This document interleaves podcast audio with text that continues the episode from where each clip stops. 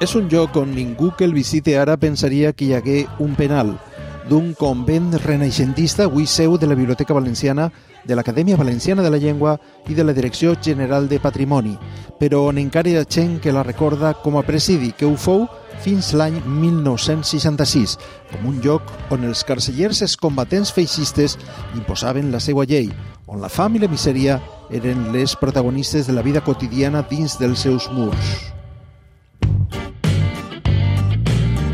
Este és el capítol 9 del Mur, els Jocs de la Memòria, i en ell fem parada en la presó central de Sant Miquel dels Reis de València. Això que estan sentint és El Mur, els Jocs de la Memòria, un serial radiofònic multimèdia dirigit i presentat per Carlos López Olano. Fem periodisme en format podcast, però també molt més. Si accedixen pel web, diversos recursos construïssin un relat multimèdia. La sèrie és una coproducció de Punt Mèdia i de Plaza Ràdio. Capítol 9. La presó de Sant Miquel dels Reis. Salí al patio con los demás recursos. Los días iban pasando. Tenía un hambre que nunca en mi vida había experimentado antes. Estaba con los, huesos, con los huesos pelados. San Miguel Reyes, en los años 50, era un lugar de exterminio. No cabía la menor duda. Su, sufría de diarrea. La comida, mi principal preocupación, era una curva.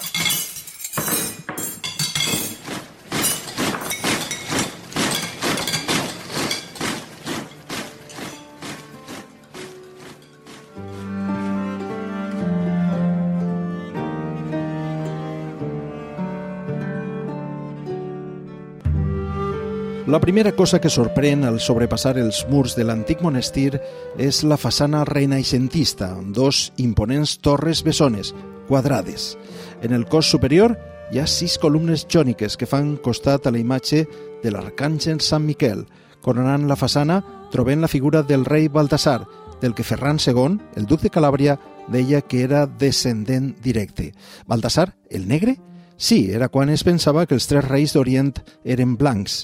Si ens endinsem en el claustre, trobem un ampli espai amb arcs de mig punt construïts amb carreus de pedra, l'accés a l'antiga biblioteca del duc, fundador del convent junt amb la seva dona, la reina germana de Foix, o una escala imperial que permet pujar a la torre del prior. Esta maqueta correspon a un monestir anterior a Sant Miquel de Reis, es dia Sant Bernat de Rascanya. Imagina que Rascanya no vos sona, la paraula Rascanya. Eh? Acompanyem un grup d'estudiants que visita Sant Miquel, atenent les explicacions del guia Fernando López. L'antic convent Jerònim fou acuradament restaurat fa 20 anys i avui és lloc de cultura amb majúscules. Així es troba la seu de la Biblioteca Valenciana i de l'Acadèmia Valenciana de la Llengua. Fernando conta al grup de visitants tots els misteris d'este lloc històric, però també la seva part sinistra. En l'època de la presó, esta banda també va ser presó. Eh?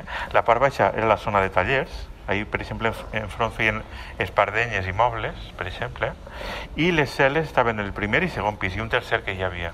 Mm? José Cano Coloma, l'alcalde, que va estar així tancat, en les seues memòries, que estan publicades per l'Ajuntament de València, conta que quan va estar ell, ell així hi havia 6.000 presoners i tenia en compte que hi havia 200 persones, ui, 200 cel·les de dos per dos. 200 cel·les de dos per dos per a 6.000 persones. 30 persones per, per cel·la. Eh? Fins l'amnistia del 45, que ahir es va buidar un poquet, però... Eh? Sinó que penseu les condicions que hi havia. Entrem allà. Per això aquest edifici té molt mal record entre molta gent. Penseu que eh, jo porto així 21 anys treballant i he vist moltíssima gent eixir plorant d'ací, eh, perquè han tingut família, eh? han tingut família o que no ha eixit d'ací o, ha, o ha sigut afusellada. Per exemple, entre persones famoses que van estar així va ser eh, José Cano Coloma, alcalde de València durant la, la Segona República, que va estar dos anys així i va eixir viu, mm, va eixir viu. Però també va estar el, el director de la Traca, Carceller, amb un altre dibuixant, eh? I així va ser eh, torturat i després afusellat a Paterna per publicar caricatures de Franco. Mm? És a dir, històries fortes. Bé, Sí, darrere d'esta façana d'edifici monumental, replet d'art i cultura, s'amaga un relat de repressió i misèria de quan a Sant Miquel hi hagué una presó. Te conocí a través de libros y de fotos, de escritos del abuelo en cómo brillaban sus ojos. Mamá nunca hablaba de ti, lloraba si lo hacía. Le amargaban palabras porque hurgaban en la herida, pero yo mamaba rebeldía. No encontraban tus líneas que escribías desde el frente siendo una chiquilla. En tus retratos de la guerra desde la prisión, abusos de alguaciles, centinelas y oración. Por eso no pienso parar hasta hallar tu cuerpo. Se han burlado demasiado, demasiado tiempo. Fou penal des del segle XIX fins a 1966, però fou a partir del 39 quan es va omplir de represaliats del règim. Eixa és la data d'avui, i la xifra? Els 4.000 presos que s'amuntonaven en eixe temps en els dos claustres. Un d'ells fou Joan Busquets, que han sentit a l'inici d'este reportatge. Joan estigué tancat així 15 anys. Ens ho conta tot des de sa casa a Normandia, a França, on va fugir en eixir de la presó d'una Espanya que no li agradava gens. Joan, el vell anarquista, té 93 anys, però conserva una memòria imechable. Obediente a fuerza de amenazas y castigo. La dirección lo sofocaba radicalmente con celdas de castigo y seguidamente los presos rebeldes eran trasladados a otros penitenciarios con una nota disciplinaria en el expediente. La nota implicaba la suspensión de redención, medida que prolongaba inexorablemente la estancia en prisión. El sueldo abominable que percibían los presos republicanos de las empresas explotadoras daba escasamente para comprar unos boniatos lo justo para sobrevivir. Don Pompeyo, ex alférez provisional de las cruzadas victoriosas, era el oficial encargado de la cocina. Semejaba una mole de grasa que cuando reía parecía que iba a reventar. Una de sus diversiones preferidas era salir de su cocina acompañado de dos reclusos, cocineros, que transportaban una gaveta pequeña, conteniendo una docena de cazos de rancho, y a pleno pulmón gritaba, reganche.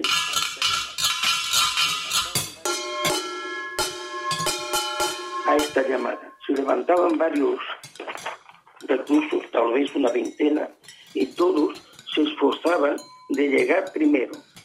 Me daba vergüenza contemplar aquel espectáculo de denigrante. Yo tenía tanta hambre como los demás, pero antes morir que dar aquel espectáculo para, divertir a un degenerado.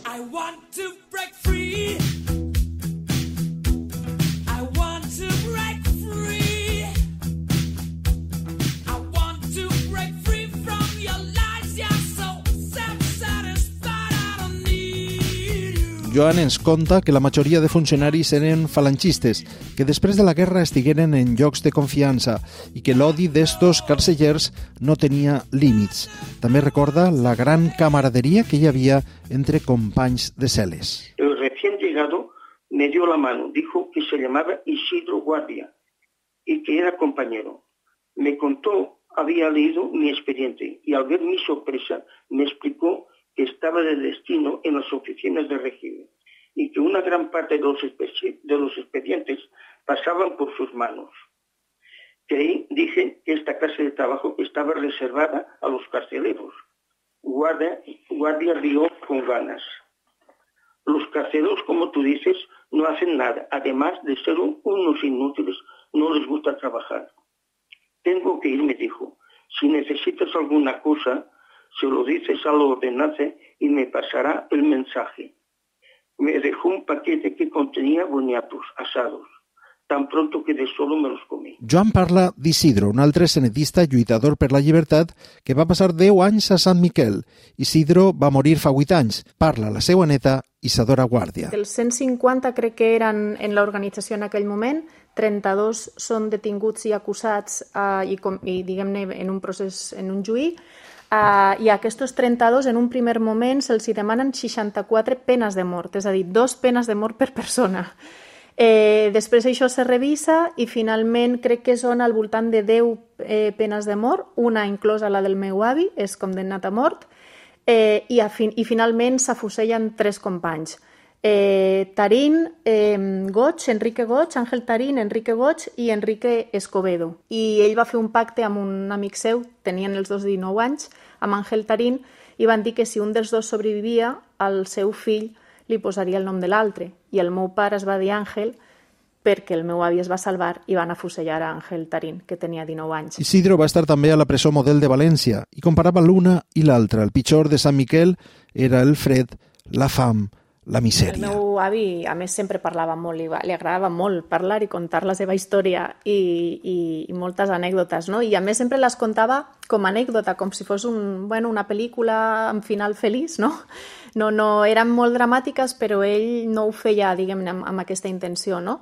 I, i ell me va contar, per exemple, un cas que va haver-hi de... Crec que va ser, no sé si una tifoidea o unes febres així que van arrasar a la presó, que no tenien, no tenien mitjans, diguem-ne, per, per, per garantir la salut, no tenien aigua, no tenien... Vull dir que en algun moment fins i tot no van tenir aigua potable, ell va agafar la, les tifoidees i, i deia que, bueno, que va estar setmanes i setmanes pensant que se moria perquè tot, ell me deia, no? Tot, todo salía por arriba y por abajo, no?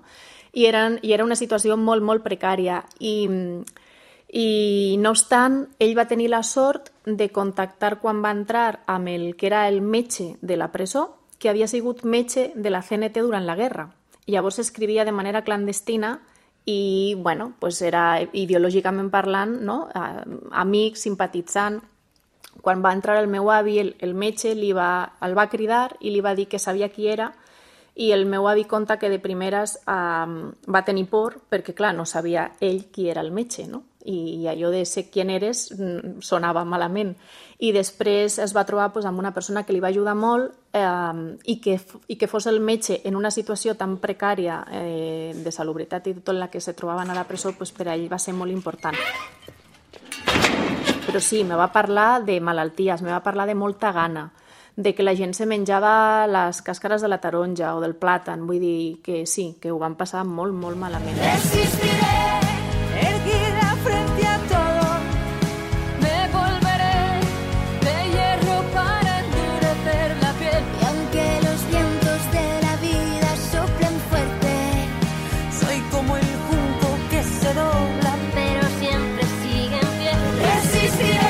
Sant Miquel va albergar després de la guerra gran quantitat de presos polítics. Fins a 4.000 estigueren tancats en un espai mínim, sense abric, sense menjar, amb l'amenaça constant que la mort que penjava d'un fil.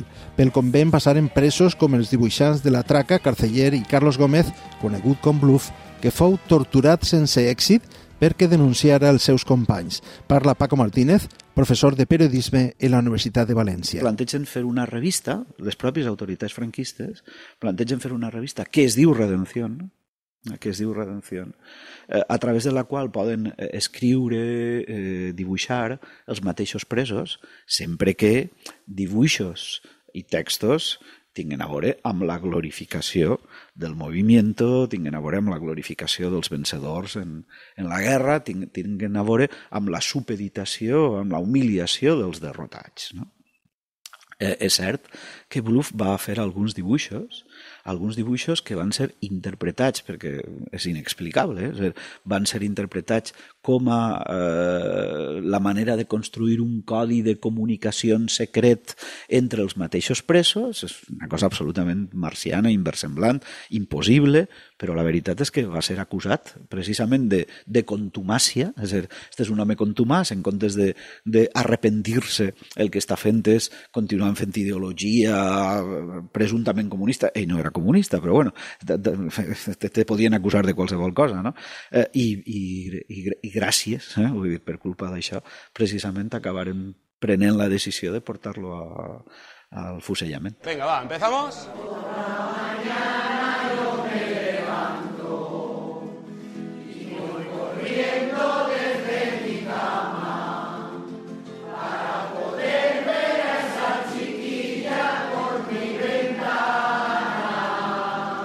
Yo la miro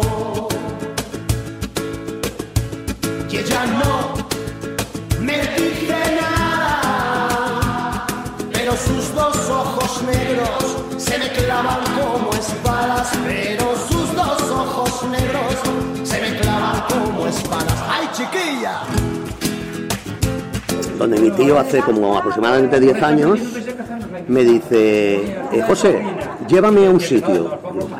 Como mi tío era muy misterioso, le llevaba muchos sitios, él no conducía, llévame un sitio. Y vamos al monasterio San Miguel de los Reyes. Y bueno, ¿y qué pasa aquí? Yo ya había estado, había visto lo que estaba la biblioteca, que estaba el sitio maravilloso, una, una maravilla. Eh, y la verdad es que, eh, bueno, sabía que había sido una cárcel, evidentemente, pero, pero no sabía que había estado su padre ahí. Pues mi chiquilla es lo más bonito del firmamento.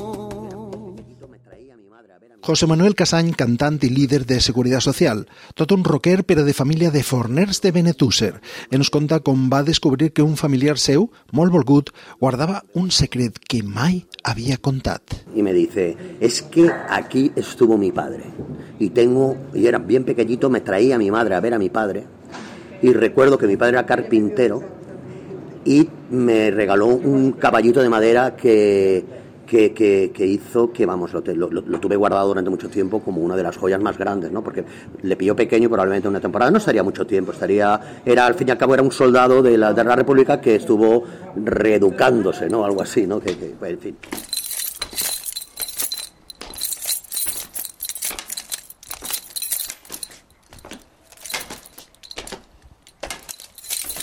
Però no tots van tindre tanta sort. Parla Lirio Pinilla, que enguany farà 90 anys. Son pare fou afusellat el 28 de juliol del 39, quan ell només en tenia 8. Bueno, pues yo sí que, que le diga la verdad, era muy pequeño, pero por, por, por ser de, de izquierdas, porque ni mató a nadie ni, ni robó a nadie. Por ser de izquierda, el republicano, la república, decía la CNT. Y, y su ideología era la que era. Ellos estaban en Sagunto, en un almacén prisioneros, porque ahí estaba mi tío también, mi tío Pedro Pinilla Pinilla. Y entonces de allí se lo trajeron aquí a San Miguel de los Reyes, a mi padre. Y, y de aquí, pues a fusilarlo.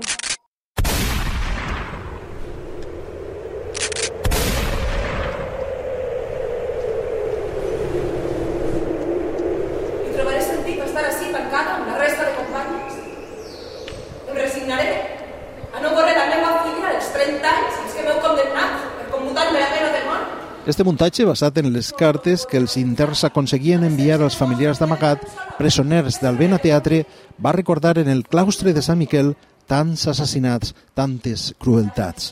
És una de les moltes activitats que en este espai han organitzat els últims anys per a dignificar la seva memòria. En parla Toni Benavent d'Albena. Esta iniciativa és una iniciativa que pretén rescatar part de la història de, de, del nostre país, de la nostra comunitat, de la nostra gent, no? i que és una història de ficció que partix d'idees eh, que nosaltres teníem de, de com acostar-nos al passat des de la ficció, però partint de la realitat. Vull dir, tot el que contem és real, tot està basat en fer real, el que passa és que són històries a les que sis dramaturgs, tres homes i tres dones, han donat vida parlant de lo que suposaven les presons del franquisme per temes polítics des de després de la guerra. Sempre parlem una volta acabat la guerra. Partint de les cartes, de, de, dels llibres que, hem trobat sobre cartes de presos i de preses, de gent jove, de gent major, gent que inclús havia estat empresonada sense ningú motiu, eh, però que havien sigut acusats eh, a voltes per quedar-se en les terres o per qualsevol cosa.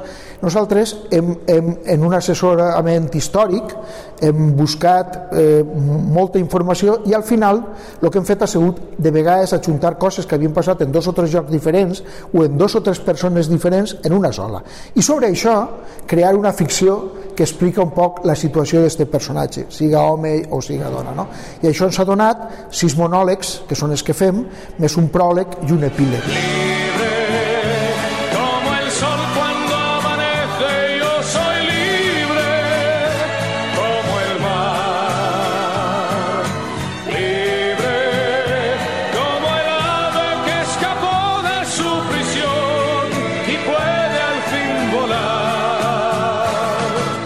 Lliure con la mar volia ser el mateix Joan Busquets i va protagonitzar tota una fugida de pel·lícula de l'antic monestir, encara que al final no va ser el desitjat. El 6 de febrero de 1956 intenté fugarme, pero al saltar el muro que daba al exterior me rompí la pierna.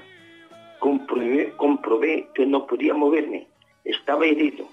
Me había roto la cabeza del fémur y el tercio superior de la pierna izquierda al chocar contra el canto de una acequia que no había visto. A los gritos del centinela alertó el puesto de guardia. Uno de los guardias dijo, mira, aquí hay uno. Dos guardias civiles me cogieron de las manos y me llevaron a rastras. Mis pies desnudos rozaban en el adoquinado de la carretera, causando el mismo efecto que una gruesa escofina me los devastara. Llevaba allí tirado en el suelo unas cinco horas. Después del toque de Diana vinieron dos presos a recogerme. Los dos presos me depositaron al suelo en una celda de castigo de corrección. Entre els secrets que guarda Sant Miquel hi ha també túnels amagats, que diu la llegenda que serviren perquè algun pres aconseguirà la llibertat. Com que les, tom les tombes eren massisses, varem excavar darrere. I excavant darrere eh, va eixir aquest túnel. Aquest túnel que eh, ningú va entrar, però sabem que va cap a l'horta. Mm. Eh, a posteriori eh, va vindre un guàrdia civil i em va contar eh, que aquesta fuita, aquesta fuga és de l'any 63, va ser de l'any 63, i eh, que es van escapar set anarquistes. Eh? La terra, la terra que treien del forat, la barrejaven amb la cendra del forn que estava al costat. I es veu que es varen amagar en alqueries, perquè les alqueries amagaven eh, presoners, i es van escapar. És una de tantes fugues que va haver en el monestir, però això és l'única que té físicament un, un túnel. A Busquets la fuga li va servir només per a trencar-se una cama, però almenys li queda l'orgull que ell, així ho diu, mai va deixar de lluitar. He sabido recuperarme y, naturalmente he sido, además en prisión siempre estuve en combate. No fui de los que me doblegué. Hay algunos que se doblegaron, muy pocos, pero eh, yo no me doblegué y siempre cuando veía una injusticia, pues lo, sa- lo sacaba por escrito, lo denunciaba a la prensa de- de- de- del extranjero para que lo publicaran. Y denuncié muchas cosas y algunas pues hasta saltaron a algunos funcionarios del puesto. Para mí era una satisfacción, el combate seguía y, y, y sigue, vaya, no, no ha terminado.